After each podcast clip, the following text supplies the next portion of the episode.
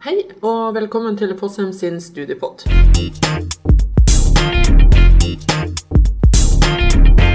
I dag så skal vi snakke om frisøryrket. Eh, Og vi er så heldige å ha en gjest i studio eh, som er frisør av yrket. Men før vi snakker nærmere med hun Katrine, eh, så vil jeg minne på at vi tilbyr studie- og karriereveiledning. Eh, I den anledning, sjekk ut de to første episodene våre som omhandler hvorfor det er så viktig eh, å eh, få litt ekstra studieveiledning, sånn at man i større grad velger riktig yrkesvei. Sjekk ut nettsida vår for videre pris, tilbud og innhold. fv.no karriere og studieveiledning. Da er det over til deg, Katrine. Velkommen Takk. til oss. Og eh, i dag skal vi snakke litt om din bakgrunn og ditt yrkesvalg. Først, hva er grunnen til at du valgte å bli frisør? Du, det er egentlig litt uh, morsomt, uh, hele den greia der. For at uh, jeg tenkte egentlig i veldig mange år at frisør skal jeg i hvert fall aldri bli. Eh, men så gikk jeg noen veier på videregående og etterpå som bare endra det. Begynte med hudpleie på videregående, så tok jeg jobba noen år i Vita. Og så bestemte jeg meg for å ta makeuputdanning. Og det var egentlig der vi fant ut at da kjører vi hele pakka. Um, så da bestemte jeg meg for å ta Var det noe spesielt i makeuputdanninga som gjorde at du fikk lyst til å gå videre med frisør? Det var jo det at vi hadde jo Vi hadde jo litt hårstyling på eh, makeupskolen. Eh, det var ikke sånn at jeg følte at det her er jeg dødsgod på. Men eh, det var vel egentlig bare den praten vi snakka om, at når man skal ut og jobbe, så er det så mye lettere for andre å ansette deg hvis du har både hår og makeup. da. Ja, Sånn at bakgrunnen er at du har flere ben å stå på, altså at uh, du kan jobbe med forskjellige ting. Jeg ble litt nysgjerrig siden du sa innledningsvis at du i hvert fall ikke skulle bli frisør. Nei. Og, hva, og hvorfor ikke det? Nei, det er vel noe med at eh, kusina til mamma jobba som frisør. Eh, og jeg syns at det virka kjempekjedelig. Og så er jeg oppvokst i en liten bygd hvor jeg har liksom sett at frisørene sitter på rumpa og ikke gjør noe særlig.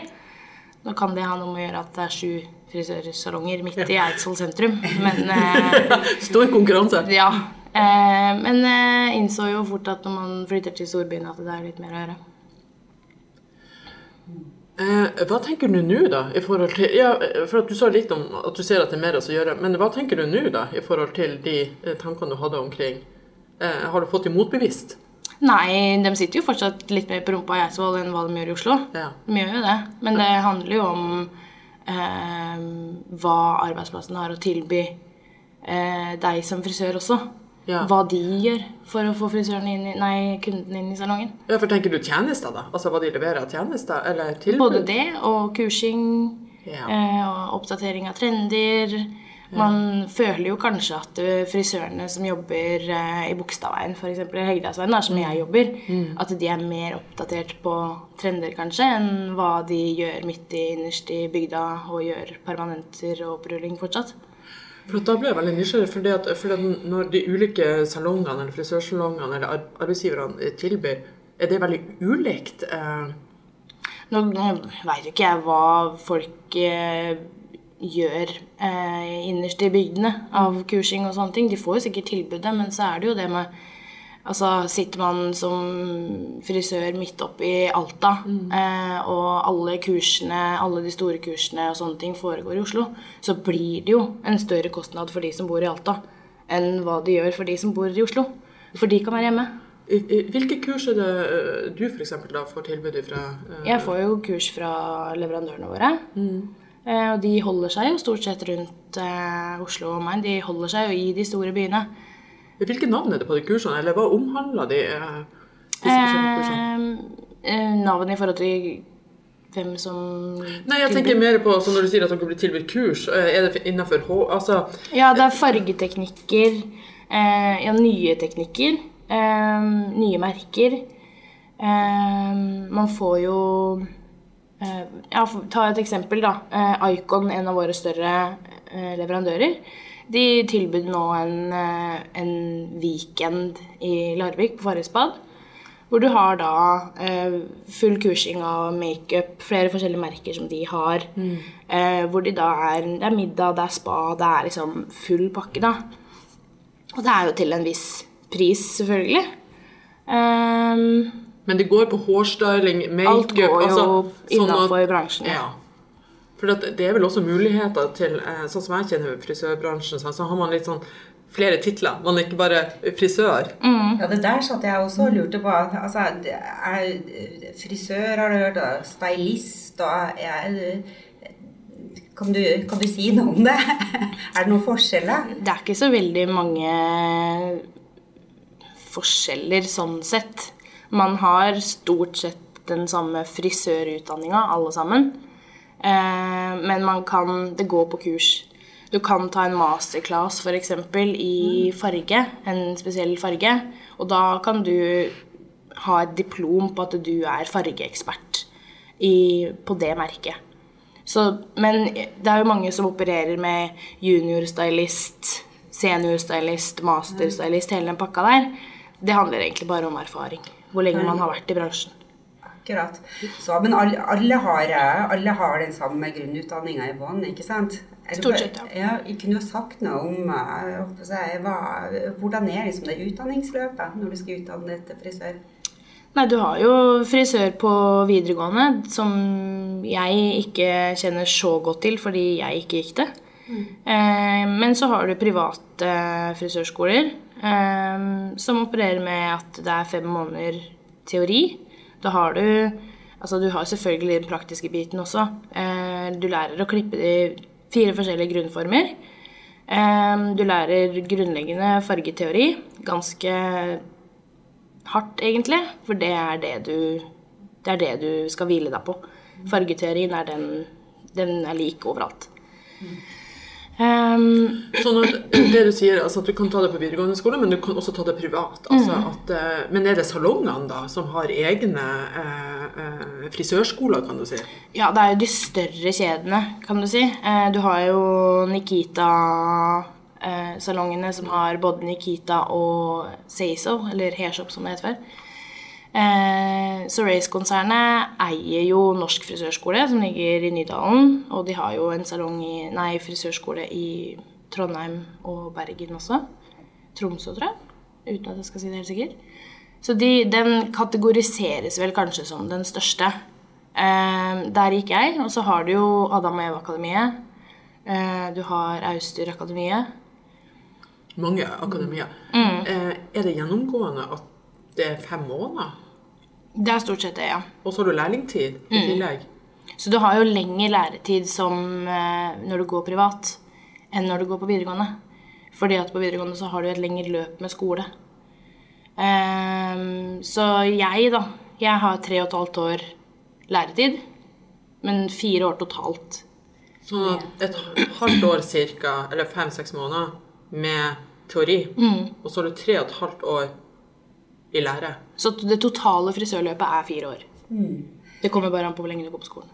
Hvordan legges det opp til, til prøver og tester og sånt underveis?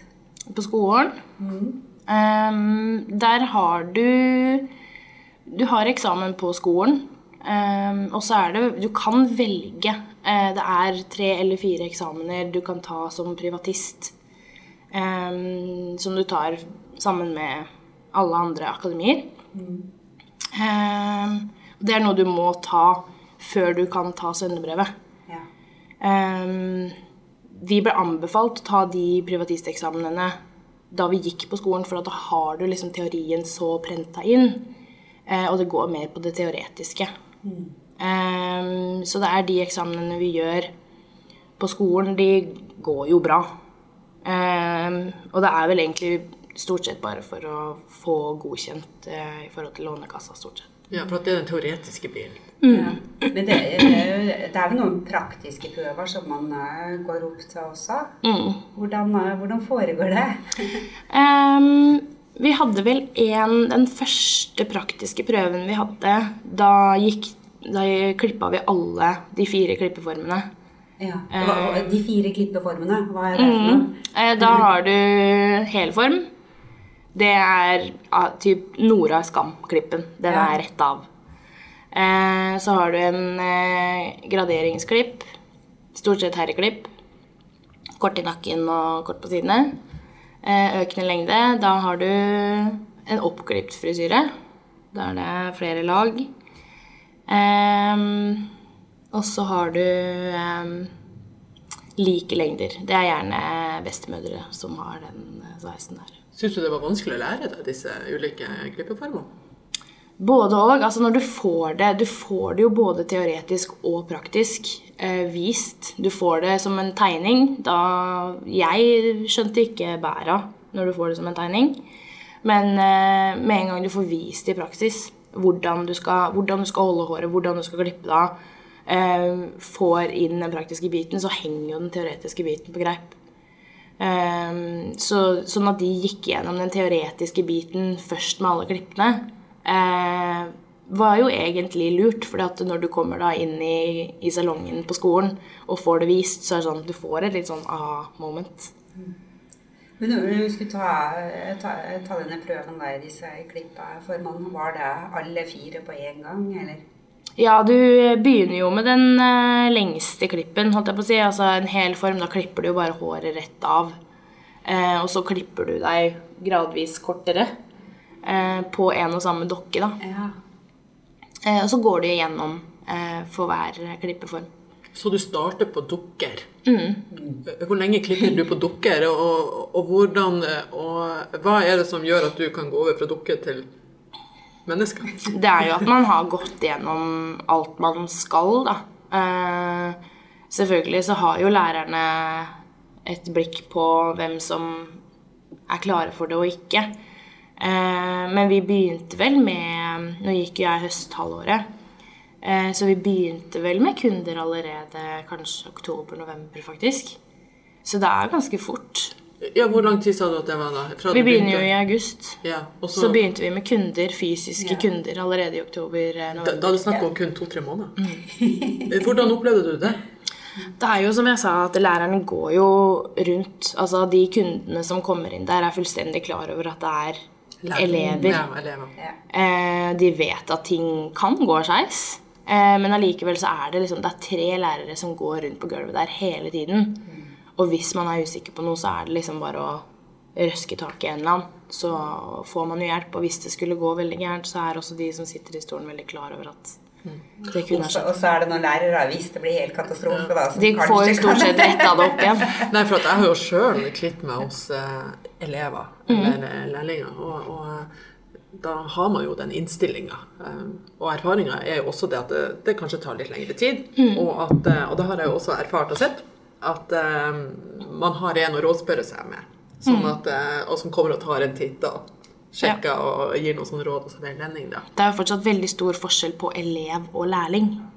Eh, det Kan er du si noe om forskjellen mellom elev og lærling? Eh, jeg opplevde i hvert fall at eh, når jeg var ferdig på skolen, så tenkte jeg bare Da var jeg kjempestolt over meg selv og bare gikk ut med gode karakterer og var kjempehappy. Eh, og så begynte jeg som lærling etter, etter jula. Eh, og fikk vel egentlig beskjed om at eh, det jeg har lært på skolen, er det bare å glemme. Knytta opp til Eh, Knytta opp til hva jeg skal gjøre. Altså, jeg begynte Lurer på om jeg hadde herreklipp. Det er første kunden jeg hadde. Og jeg var livredd for maskina. Turte ikke å bruke den. Kom liksom aldri nærme nok inn til ørene og sånne ting. Livredd for å komme borti ører og i det hele tatt. Eh, men ulempen kanskje med skoleløpet er at du lærer kanskje ikke eh, den realistiske eh, klippemetoden, da. Eh, man lærer ikke å klippe i forhold til trender. Man lærer ikke å klippe til hva folk har lyst til å ha. Eh, man klipper bare etter boka. etter faget, liksom. Ja. Det så Man skal klippe det teknisk riktig, ikke nødvendigvis Trend og hva trend inn og og hva kunden ønsker. Men du, jeg tenker på overgangen fra, skole da, til, eller eh, ja, fra elev til, eh, til lærling. Hvordan var det å få seg lærlingeplass? Var det enkelt, eller var det vanskelig? Eh, det, for meg var det veldig enkelt. Eh, jeg hadde vel egentlig ganske flaks. Men eh, det begynte med at eh, vi hadde praksisuke på, på skolen. Så fikk jeg lærlingplass på en salong på Storo. Hvor det var jeg og ei til i klassen som jo fikk plass, da. Hvor vi var en uke, og så fikk vi vel egentlig tilbud om å jobbe litt der ekstra i jula. Som liksom ryddehjelp og resepsjon og sånne ting. Eh, og som student så trenger man jo penger, så det var jo veldig enkelt å si ja til det.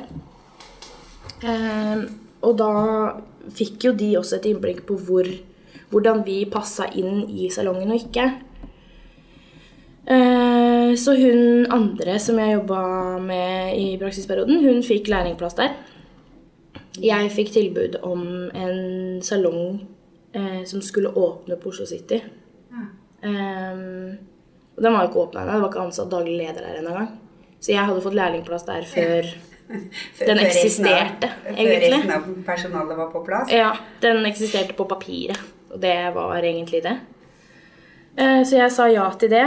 Eh, og så fikk jeg, når jeg begynte da Jeg jobba en måned på en salong på Jessheim. Eh, bare for å ha jobb, da. Sånn at jeg ikke skulle slite med ja, økonomien. Eller ja, i det hele tatt. Fram til vi åpna den salongen i februar. Og det var veldig greit. Men var, jeg merka stor forskjell fra Jessheim Storsenter og Oslo City. Mm. Hvordan er lærlinglønn? Den er jo ikke til oppi taket. Nei, for det er vel noe med For at klarer man seg kun på lærlinglønna, eller må man ta opp, eh, få stipend eller ta opp lån i tillegg? Man begynner eh, vel Førsteårslønna i måneden er vel rundt 9000, tror jeg. 9000 utbetalt? Netto? Mm -hmm. ja, det, og hvis man da skal bo for seg sjøl? Eh, da må du ha stipend og lån. Så jeg har fullt stipend og lån, og det, det må jeg ha. I hvert fall foreløpig, da. Når vi er inne på det her med, med lønn da, som, uh, som, ansatt Eller forresten, er man ansatt? Jeg har hørt noe sånn at man leier en stol og uh, mange er selvstendig næringsdrivende. og Hvordan, hvordan er arbeidstilknytninga? Er, er, du ordinært ansatt, eller? Mm. Eier du din salong? Nei. eh, altså det er faktisk Etter hva jeg har skjønt nå i dag, så er det færre som leier stoler enn hva det kanskje var før. Mm. Eh, men igjen så jobber jeg i en kjede, eh, og da blir det litt annerledes. Eh, Eh, og da er man ansatt. Mm. Ja, for... Eh, ja, eh, da er man ansatt, og da har man en, en fast lønn, ikke sant? Mm. Jeg har også hørt at det var noen i forhold til dette med å selge produkter og sånne ting, at man får en viss prosent av det. Det gjør man. Det, det, det, gjør man også. Ja. Mm. Eh, men forskjellen er jo at det er veldig få som har timelønn. Eh, sånn rein timelønn. Mm. Har fastlønn? Lærlinger har timelønn. Ja. Eh, fordi du har Som lærling så mm, har du stort sett en 100% stilling. Eh, så du er den første som kommer, og den siste som går, stort sett. Fordi at de andre mm. går på provisjon. Ja. Så de tjener ikke penger når de ikke er på jobb. Nei, når de bare er på jobb uten å gjøre noe. Mm. Eh, så eh, man har jo, når man går på provisjon, så har man en garantilønn. Eh, sett at uh, gud forby det ikke skulle være en eneste kunde å klippe mm. eller noe å selge uh, en måned, så har man den garantilønna for den stillingsprosenten man har. men alt utover det i forhold til behandling og salg, det får man jo en provisjon på. Ok, Sånn at du har en grunnlønn som sikrer deg inntekt. Men så tjener du i tillegg på antall kunder du klipper, mm. hva, øh, hva, du klipper, eller hva du gjør med farging permanent, eller alle sånne typer ting. Det er jo totalsummen fra hver kunde som ja. du får en prosent av. Mm. Eh, men det her betyr også at lønna kan være litt sånn uforutsigbar, ikke sant? Ja. Eh, hva med arbeidstid og sånn? Tenker, det vil jo sikkert være litt forskjellig fra sted til sted. Men eh, mange frisørsalonger har jo oppe på lørdager, på kvelder. Mm. Um, jeg merka veldig på det når jeg jobba på Oslo City. Eh, da jeg var bare på jobb. Det, jeg gjorde ikke noe. Uh, for det åpner klokka ti, og det stenger klokka ti der. Så der har du seinvakt, så begynner, jobber du to til ti. Og da har jo dagen gått. Mm. Eh, nå er jo Oslo City ekstremt på åpningstider sånn sett. Men når jeg bytta og begynte på Studio Alfie Design, så merka jeg faktisk at nå kan jeg ha et liv igjen. Ja. Jeg jobber til seinest klokka sju. Eh, vi stenger klokka fire på lørdager. Eh, har jeg tidlig vakt, så er jeg ferdig fem. Sånn at det du sier, er at arbeidstida blir påvirka i forhold til hvem arbeidsgiveren din er, og om det ligger på et senter eller ikke et senter. Mm. Ja. Kan jo tenke seg også at på et senter En ting er jo at de er oppe fra, fra tid til tid, da, men ofte sånn ja, de siste ukene før jul f.eks. med mm. søndagsåpent og, og alt. Så man må kanskje være, være innstilt på litt ugunstig arbeidsgiver Dersom man jobber på et kjøpesenter, i hvert fall. Absolutt. Men fordelen da er jo at jobber du på provisjon, så får du med lønn, da. Mm. Ja, eh, alt har sine gode med, og også sine mer negative sider. Så. Det er jo det de sier i forhold til provisjonslønn òg, at du bestemmer din egen lønn. Ja, med tanke på ja. innsats. Hvor mye du gidder å jobbe. Hvor mye du, altså Nå høres det jo fælt ut å si hvor mye du gidder å jobbe, men og mersalg og Ja. Hva du legger i det sjøl, er hva er som er med å styre lønna di, da. Du, jeg vil bare litt sånn tilbake til, til selve liksom, utdannelsen din. Fire mm. år til sammen. Mm. Fem-seks måneder. Og så tre og et halvt år i praksis. Mm. Er det kun klipp, da? Uh, og, og, eller kun uh, da å, å, å, gjøre klipp og behandlinger da på altså, kunder? På skolen din? Ja, ja, de tre og et halvt årene som du er Du gjør jo alt. Ja. Du er jo Gjør jo det som salongen tilbyr. Ja. Sånn at det, det er det som er eh, liksom utdannelsen og skoler og liksom, mm. og, og, og liksom lære faget. Mm. Det er å praktisere. Mm. Og så går man da opp til en endelig prøve. Ja. ja. Uh, jeg har jo bare sett det på en kjempestor fordel at uh, man har uh, tre og et halvt år læretid. Fordi at du får mye lengre tid på å lære deg alt. Du kan bli god på mye på kort tid. Men det er jo igjen det på trening på tid, da. Eh, bruker du fire og en halv time på å klippe og stripe et menneske, eh, som Ja, nå er det vanskelig for meg å si eksakt hvor mye det koster, men sett at det koster 3000 kroner, og du har 30% provisjon på det, så er det veldig dårlig timesbetalt. Mm. Så hvis du korter ned arbeidstida di på hva du gjør, jo mer lønn har du. Ja. Sånn så alt viktig, går jo på Sånn at det er viktig også da å kunne jobbe raskt og mm. uh, være effektiv. Være effektiv. Uh, hvordan vil se, uh, vil du beskrive det som et hardt yrke, eller? Man står jo mye og på seg i ro og liksom jobber mye med hender, hender armer og skulder. Mm. nå er vi jo ganske flinke til å sitte når vi klipper. Ja.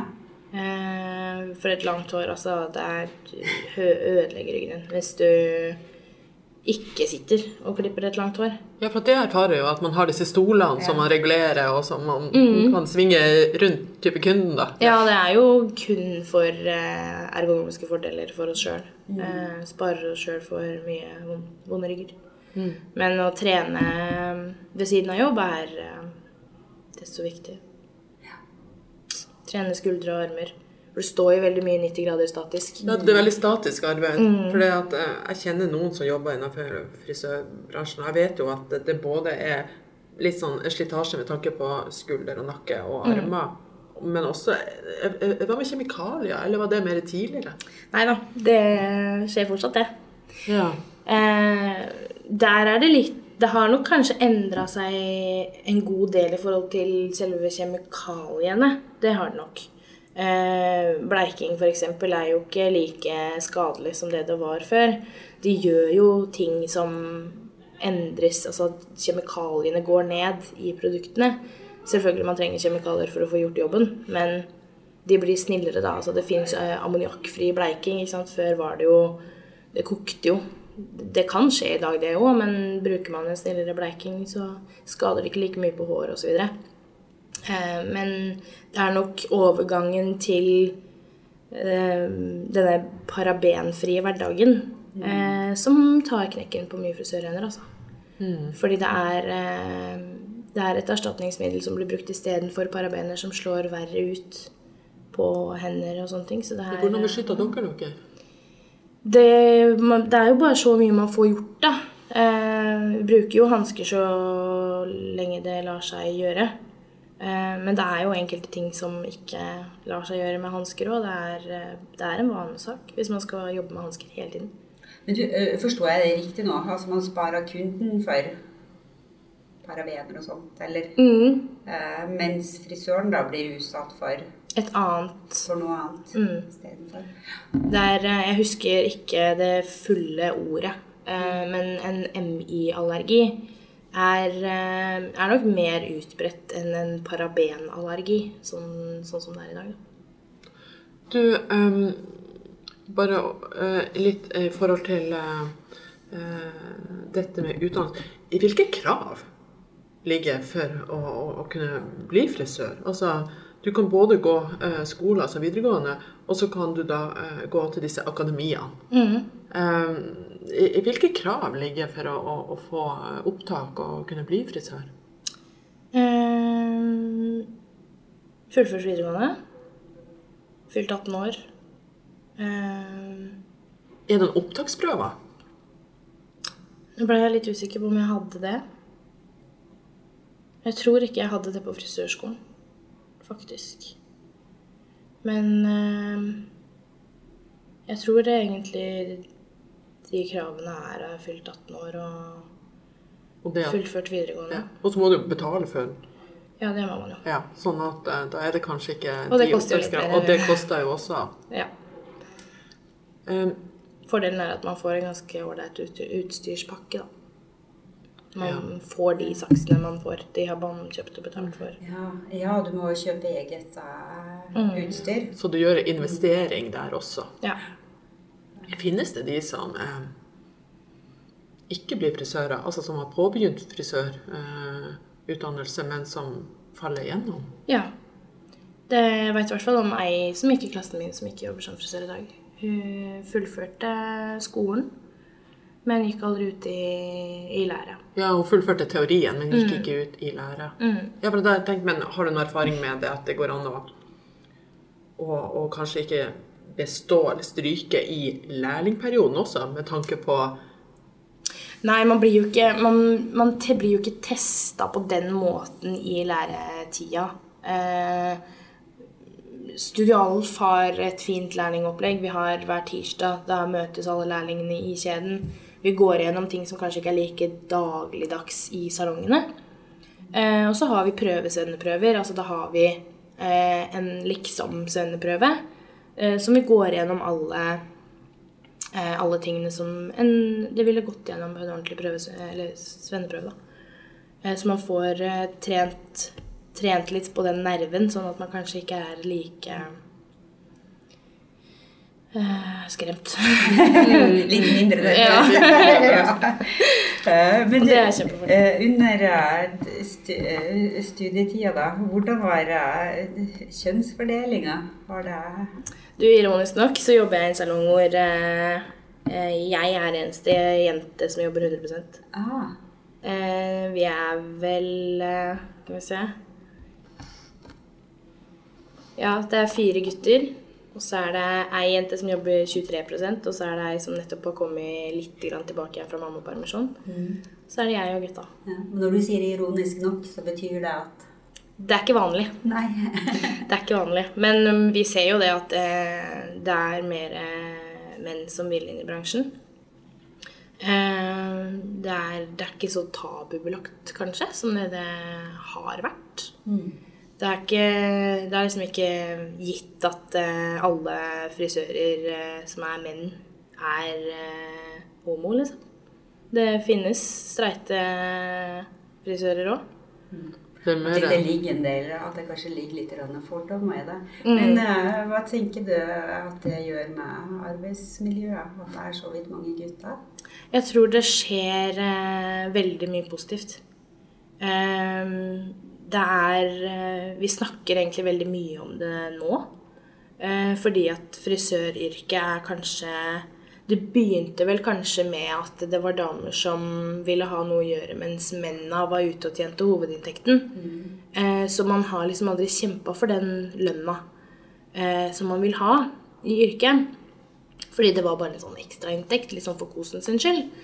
Eh, og så har det kanskje vært litt eh, jenter som ikke har turt å kjempe, eller ta saken, da, med, med lønna.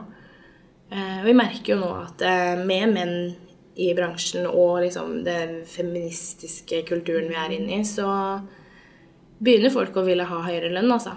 Det er jo et håndverk, og alle andre håndverksbransjer har jo vært ute og kjempa for lønna si, de også. Hvorfor skal ikke vi gjøre det, liksom? Så Ja, for jeg erfarer jo også det at det er veldig mange flere menn i dag som er frisører. de tar litt mer enn tak, bare altså. for ti år siden. Eh, og så er det jo Det er en litt annen type diskusjon, da. Eh, men, Ja. eh, men, eh, men eh, det er jo litt sånn erfaringer man har fra andre yrker og andre bransjer også, Mm. at når menn kommer på banen eh, i mer sånn eh, kanskje tidligere kvinnedominerte yrker, Ja. eh, så går også lønna opp, og den sosiale statusen eh, også. Mm. Det er sikkert mange feminister der ute som skriker av å høre det. Hvis man ser litt sånn historisk på eh, frisøryrket også, da. Nå snakker du litt om den spede begynnelsen, men at man begynte kanskje på, på håper jeg, inne hjemme i sitt eget eh, kjøkken og, og, og, og klippe folk. Eh, til nå at det har blitt en eh, ja, litt lengre, lengre utdannelse. Hva tenker vi for det her med å være kreativ? Altså, har det, er det en eh, egenskap som er grei å ha i dette yrket, eller noe man, Absolutt. Absolutt. noe man må ha? Ja, eh, til en viss grad i hvert fall. Jeg personlig er ikke sånn voldsomt kreativ. Jeg har aldri vært sånn derre tegne på fritida eller sånne ting. Jeg har vært mer den der jeg spiller fotball og er mer aktiv, da. Eh, så jeg har kanskje den fått den følelsen av at de som blir frisører, har liksom vært de som sitter hjemme og tegner og er veldig kunstneriske og veldig kreative. Eh, men man må, jo, man må jo ikke være det. Eh, man kan like eh, pent eh, Altså, jeg er veldig sånn at jeg liker eh, å føne pene frisyrer. Ta eksempel Victoria's Secret-håret. Bare for det for meg er liksom ro i sjela. Det trenger ikke være 40 forskjellige farger og stå rett opp, liksom. Ehm, så det fins jo ytterpunktene av det hele. Så jeg tror egentlig at det er ikke noe krav om å være kreativ som frisør, altså. Jeg tenker jeg har liksom, eh, en opplevelse at eh, man kanskje har blitt altså, stadig mer eksperimentell da, i forhold til med nye farger og Trender. og- ja, trender, som du var inne på. eh, Mm. Trendene endrer seg jo. Det kommer jo, kommer jo folk inn. altså det er Senest for et par uker siden hvor jeg hadde en kunde som ville ha håret blått. Det er jo ikke noe vi gjør på daglig Som basis. vanligvis, nei. Og da må man rote kanskje litt innerst i skapet. Eh, For i nederst i Hegdehaugsveien så er det ikke mye blått. Det er ikke det, altså. Eh, Det er veldig mye blondt. Eh, Så da må man grave litt innerst i skapet og tenke litt nytt. Så man får jo, får jo utfolda seg på nye ting innimellom. Kanskje ikke så ofte, men ja, det kommer kanskje litt an på hvor man velger å jobbe. Eh, Du sa i starten her at jeg skulle i hvert fall ikke bli frisør og hadde en oppfatning av at eh, det var, eh, var kjedelig. Mm. Eh, Hva er din erfaring nå, da? Det er jo på ingen måte kjedelig. Det er det ikke. Hva er det du liker best med hverdagen din som frisør? Det er jo det at eh, jeg får snakka med nye mennesker hele tiden. Eh, Tenker du at det å være sosial er viktig for å kunne være frisør? ja. Hvis du er veldig innadvendt og introvert? Jeg tenker jo at eh, å være sosial kan man lære seg. Um, man må snakke med andre mennesker uh, uansett hvor man går hen. så om man velger å bli frisør, så ja, da kan man begynne der, da. Man har jo i noen sammenhenger, eller sånn, det, sånn som jeg har eh, hørt dette her med det at når man er frisør, og, eller når man jobber som bartender, eh, så er man nesten litt sånn hobbypsykolog, da. Fordi at eh, ja, dette her med å, å prate med mennesker, og dette å kunne uh, snakke om vær og vind, eh, er en vesentlig del uh, av yrket. Ja. Og noen ganger mer enn det å snakke om vær og vind også. I hvert fall er min erfaring som, eh, som kunde. Mm. Man hører jo mange ulike samtaler rundt i ulike stoler. Og så har man sjøl en samtale også. Absolutt. Ja, nei, man kan snakke om alt fra bare liksom hårets historie til at man nesten føler at man har kjent hverandre i ti år når man går eh, når kunden går derfra. Eh, så det er Man legger jo gjerne opp eh, hele greia til kunden. Man begynner jo gjerne Altså første gangen man møter en kunde, da så begynner man jo selvfølgelig med håret. Eh, og så legger man det egentlig bare opp til kunden hva, hva de ønsker å snakke om. Og da kan det komme mye rart. Men du, det synes jeg liksom, får du mange sånne stamkunder eh, som du treffer og møter? Sant? For jeg tenker at liksom, en ting er jo et møte du har med én kunde én gang. Ja. Men mm, inntrykket mitt er jo det at veldig mange har den samme frisøren i veldig mange år. Og når den frisøren f.eks. bytter arbeidsgiver, så flytter kunden med. Ja. Uh, så, så er kunden med på lasset. Uh, sånn, sånn at det er jo veldig mange som har et veldig nært forhold til sin frisør. Det er det ingen tvil om. Vi har to altså daglig leder i min salong, og han andre eldste. Han, eh, begge to har jo jobba i bransjen i ja, 100 år. Og han ene han har altså kunder den dag i dag som han har hatt i 25 år, og han har bodd, han har bodd i Ålesund, han har bodd i Stavanger, han har bodd eh, Oslo. Han, er, han, altså, han har vært så mange steder. Han har hatt et opphold. Nå skal han flytte til Holmestrand. Kommer de tilreisende, da? De har vært hos han i 25 år.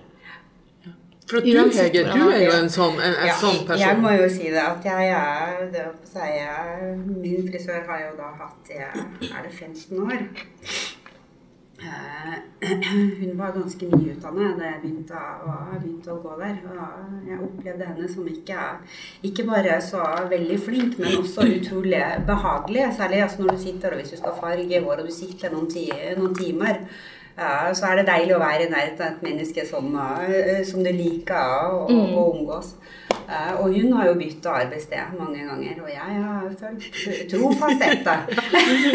Det er veldig lang reisevei. Lenger og lengre reisevei. Ja, ja lengre og lengre reisevei. Og så har vi hatt et par sånn krisetilfeller da, hvor, eh, hvor hun da har fått barn. Og det er, unner jo henne det. Men det betydde jo at hun ble borte en periode. Ja. Det samme problemet har jo vi hatt nå. Da er det ei som har vært i mammapermisjon i snart et år. Og det ringer jo ned. 'Herregud, er hun tilbake snart?' Ja. Jeg vet hun har vært mammapermisjon, sa, men eh, kommer hun snart? Det, det er panisk. Det er sånn, Nå har det snart gått et år siden de stripa eller klippa seg. ikke sant? Fordi de må ha den ene frisøren. Jeg tenker at frisøren er veldig viktig og ganske mm. vesentlig eh, for eh, mange mennesker. Mm. Og da tenker jeg også at den, den funksjonen frisørene har, eller den rollen, handler ikke bare om å klippe. Den handler også om mange andre ting. Altså Den har en sånn vesentlig sosial faktor òg. En litt sånn ja. utvida familie. Ja, men jeg har et par kunder hvor det er sånn eh, Vi snakka om det sist du satt i stolen min, faktisk. Og da var det Hun har kanskje vært hos meg, begynt å gå, i meg, gå til meg i september eller noe sånt. Hun har vært hos meg jevnlig siden. Og vi stussa over det nå sist. Vi snakker jo sammen som om vi har vært venninner i mange, mange år. Eh, og vi snakka om det. Er det ikke litt rart at vi egentlig har det forholdet vi har, med tanke på hvor vi er og hvordan vi møttes? Ja, nei, men det Det bare blir sånn. Altså, du har jo selvfølgelig de, de andre tilfellene òg hvor det er eh, folk som kommer inn, og du opplever at det her er det null kjemi. Du har du, vanskelig å prate med kunden. Det er Du får gjerne ja og nei på det du spør om. Ehm, og det er eh, en kunde i vår salong som eh, ikke har kjemi med sin frisør. Han fortsetter å gå til ham for det. Det er null kjemi, men han Kanskje han ikke vil snakke? Kanskje han har Ja, funnet sin det er noe med det òg, at det er noen som bare kommer og vil sette seg ned i stolen og bare ha den tiden for seg selv. Og det har noe med det at du må lese kunden din. Eh, og man tar gjerne sånn test, et par-tre testspørsmål på hvordan, eh, hvordan kunden ønsker å være. Så interessant Mm. det du sier der, for at dette handler jo litt sånn som jeg spurte innledningsvis hva du trives med, og da sa du at du, hvis jeg husker riktig, mennesker, Mm. du møter mennesker. Sånn at frisøryrket er veldig sosialt. Og det at dere, hvis jeg forstår deg rett, har litt sånn rutiner på hvordan dere nærmer dere Ja. nye kunder, eller ja. Det går eh, overraskende fort eh, eh, hvordan du legger det opp. Eh, du spør liksom de vanlige spørsmålene som alle spør. Ja, 'Hvor lenge siden er du har klippet deg?' Um, så videre. Ehm, og så begynner du gjerne med, hvis, spesielt hvis det er første gangen kunden kommer i stolen, da. Eh, man spør gjerne hva, hva de driver med, om de jobber eller studerer. Man ser jo gjerne litt på alder og sånne ting. Men eh, hva de, om de jobber, studerer. Men hvis de ikke er interessert i å si noe mer enn at ja, jeg jobber eller ja, jeg studerer, da er det liksom, der er samtalen ferdig. Da gjør du ditt, og så får du heller legge det opp til kunden. Ja, Da skjønner du ikke at du skal fortsette å spørre. Ikke litt. sant. Ja, det må jeg også si med, siden vi snakker om min frisør, som er så fryktelig glad i. Eh, Jeg tenker det, Noe av det aller beste er at hun er så flink til å tilpasse seg. Mye, jeg håper jeg, meg og min sin sinnsstemning når jeg kommer dit. Mm. Så har jeg en dag hvor jeg ikke ønsker å prate så veldig mye, så merker hun det samme, så da får jeg være i fred. Mm. Og er det litt mer futt i meg, så, er, så har vi det veldig gøy i lag. Kan vi oppsummere med at det, det er også en viktig egenskap som frisør å, å, å, å kunne omgås mennesker. Ja. Og lese mennesker, sånn som du sier. Og så tilpasse seg etter det. I tillegg til faget Mm, frisør. absolutt. For det er også noe å tenke på, eh, tenker jeg, for de som tenker på faget frisør. Altså at det er også et veldig sosialt yrke. Fordelen der er jo at du får jo testa eh, i eh, skoleperioden. Ja. Du får den praksisuka, eller nå vet ikke jeg om det er uke på videregående, men du får i hvert fall det når du går privat. Eh, du får jo faktisk testa om du er egna for yrket. Eh, og det er det jo ikke alle eh, studier som gjør, som egentlig er eh, er sånne menneskeyrker, da.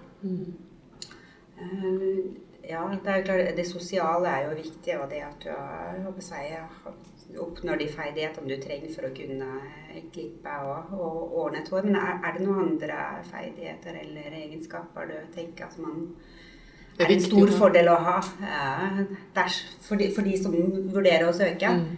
studiet? Ja, det kan være en fordel å eh, klare å tilpasse seg eh, litt omgivelsene. Eh, man kan komme inn i salonger hvor det er eh, kanskje folk som har vært frisører veldig lenge, som er veldig vant til den gamle eh, lærlingvarianten, hvor eh, lærlingene er eh, ja, ryddehjelper. Eh, og ikke er så gode for så veldig mange andre ting. Og de er veldig på hierarkiet. At eh, lærlingene er bånd. Må, eh, du tørre å ta litt plass og kreve litt? Eller? Ja, du må tørre å si ifra. Eh, og du må, eh, må stå for eh, tingene dine. For det, er også ditt eget ansvar å eh, sørge for at du lærer de tingene du skal ha lært. Da, At du får i- ut av den praksistiden?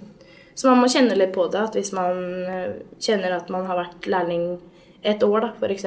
på et sted som behandler deg som om du er bånd i, bøtta, så er det kanskje en idé å finne seg et eh, annet sted som faktisk eh, lærer deg det du skal lære. Da. Hva tenker du fremover? Eh, har du noen tanker i forhold til hva du gjør om fem år eller ti år? Ehm, ja, jeg var vel innom litt at jeg skulle studere noe mer. Hva da? Eh, journalistikk. Ja, sånn at du har litt sånn tanke om noe helt annet? Ja. Men allikevel bruke den kunnskapen jeg har innenfor de fagområdene jeg har, da. Eh, for det Noen ganger så irriterer det meg grønn hvor jeg leser artikler som det ikke er en fagperson som uttaler seg om ting. Ja, Så du tenker journalistikk i forhold til å kunne, kunne jobbe med faget? Eh, ja. Eh, så vi får se hva som skjer. Og så har jeg litt lyst til å flytte til USA. ja. For eh, ironisk nok så tjener man faktisk bedre som frisør der.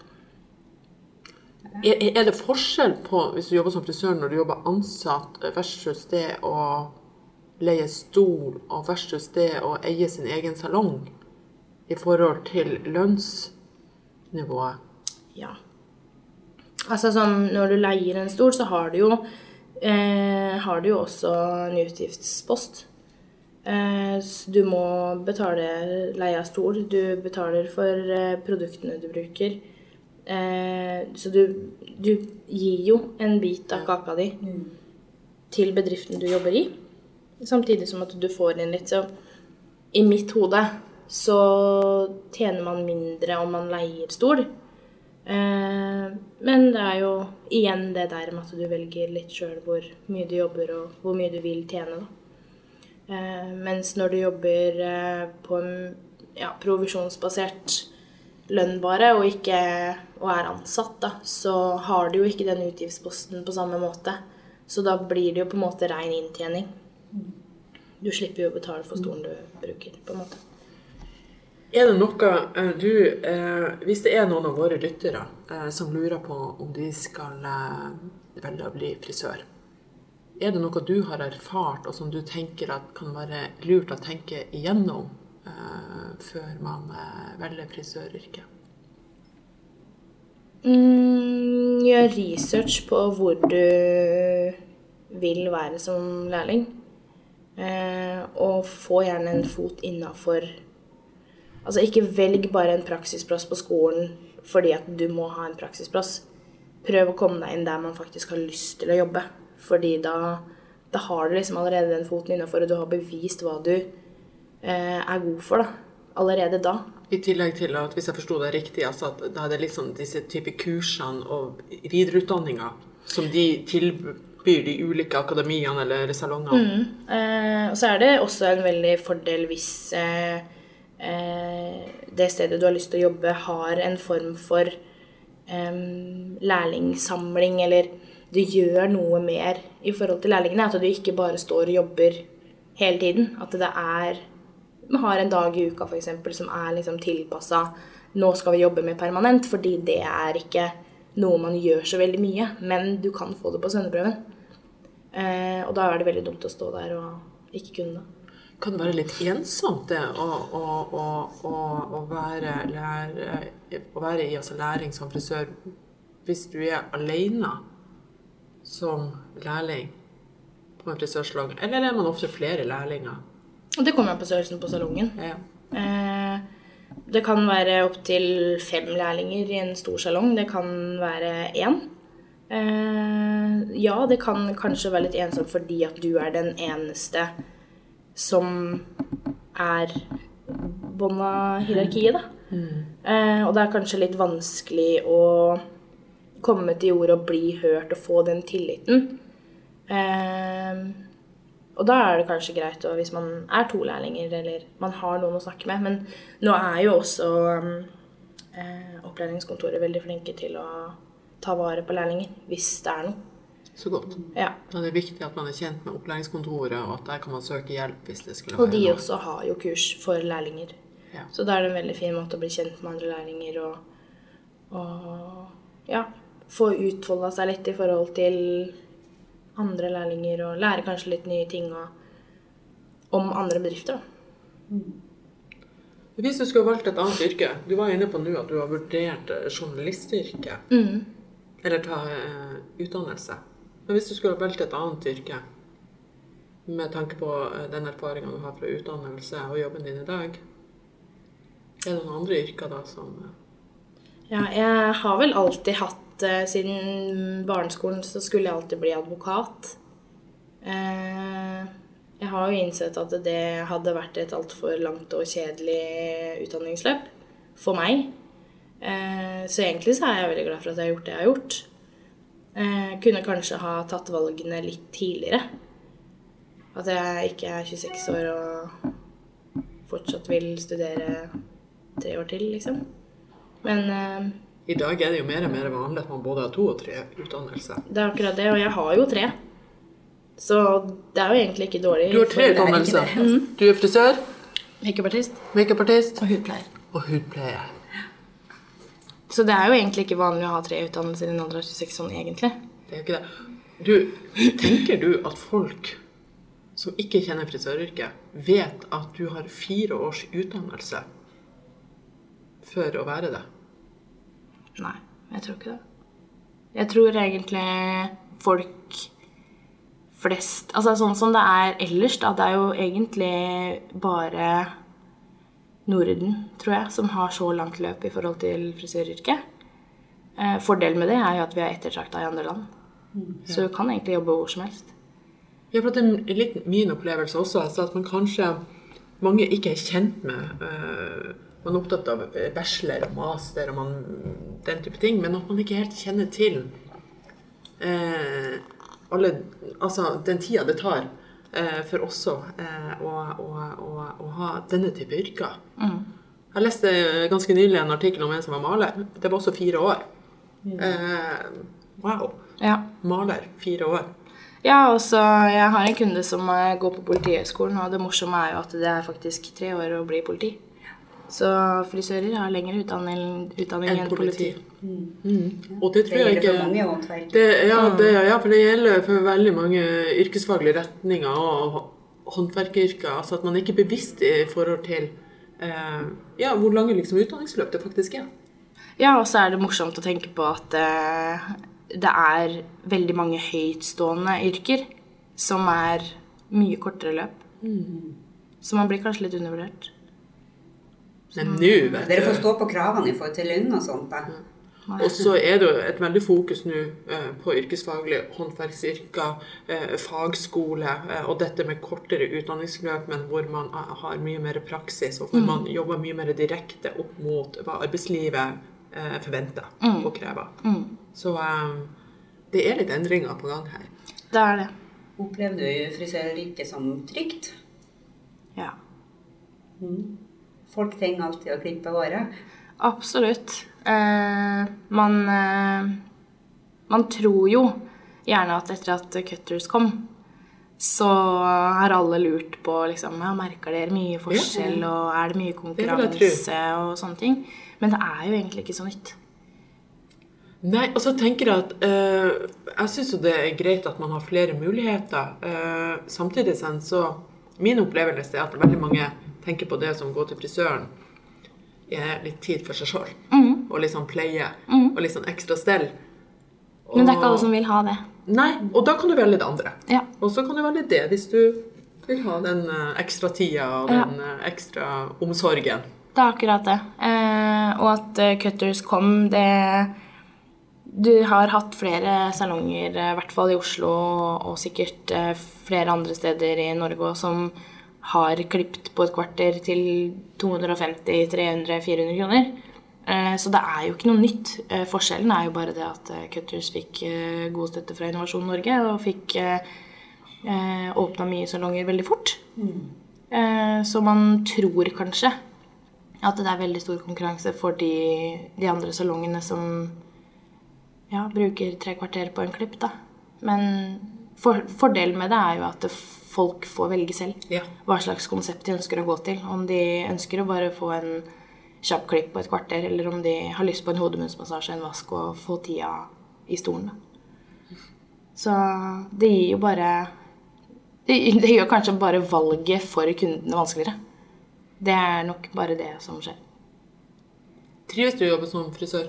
Veldig. Vil du anbefale det til andre? Ja. Har du noen flere spørsmål sånn avslutningsvis? Nei, jeg syns det var en veldig bra avslutning. da. Du vil anbefale det til andre. ja. Det, det holder, det. Det holder. Eh, da vil jeg takke deg, Katrine, for det at eh, du kom til oss. Eh, Og at vi fikk eh, høre og bli litt mer kjent med frisørutdanninga og frisøryrket. Og så håper vi at det har vært til god hjelp for eh, våre lyttere. Hvis du som lytter har spørsmål angående dagens podkast, eller eh, har forslag til eh, utdanninger, yrker som du vil at vi skal snakke om, så kontakt oss. Eh, send mail til hei.fb.no. Da vil jeg takke til begge dere, og så følg oss på neste podkast. Hei! Ha det bra.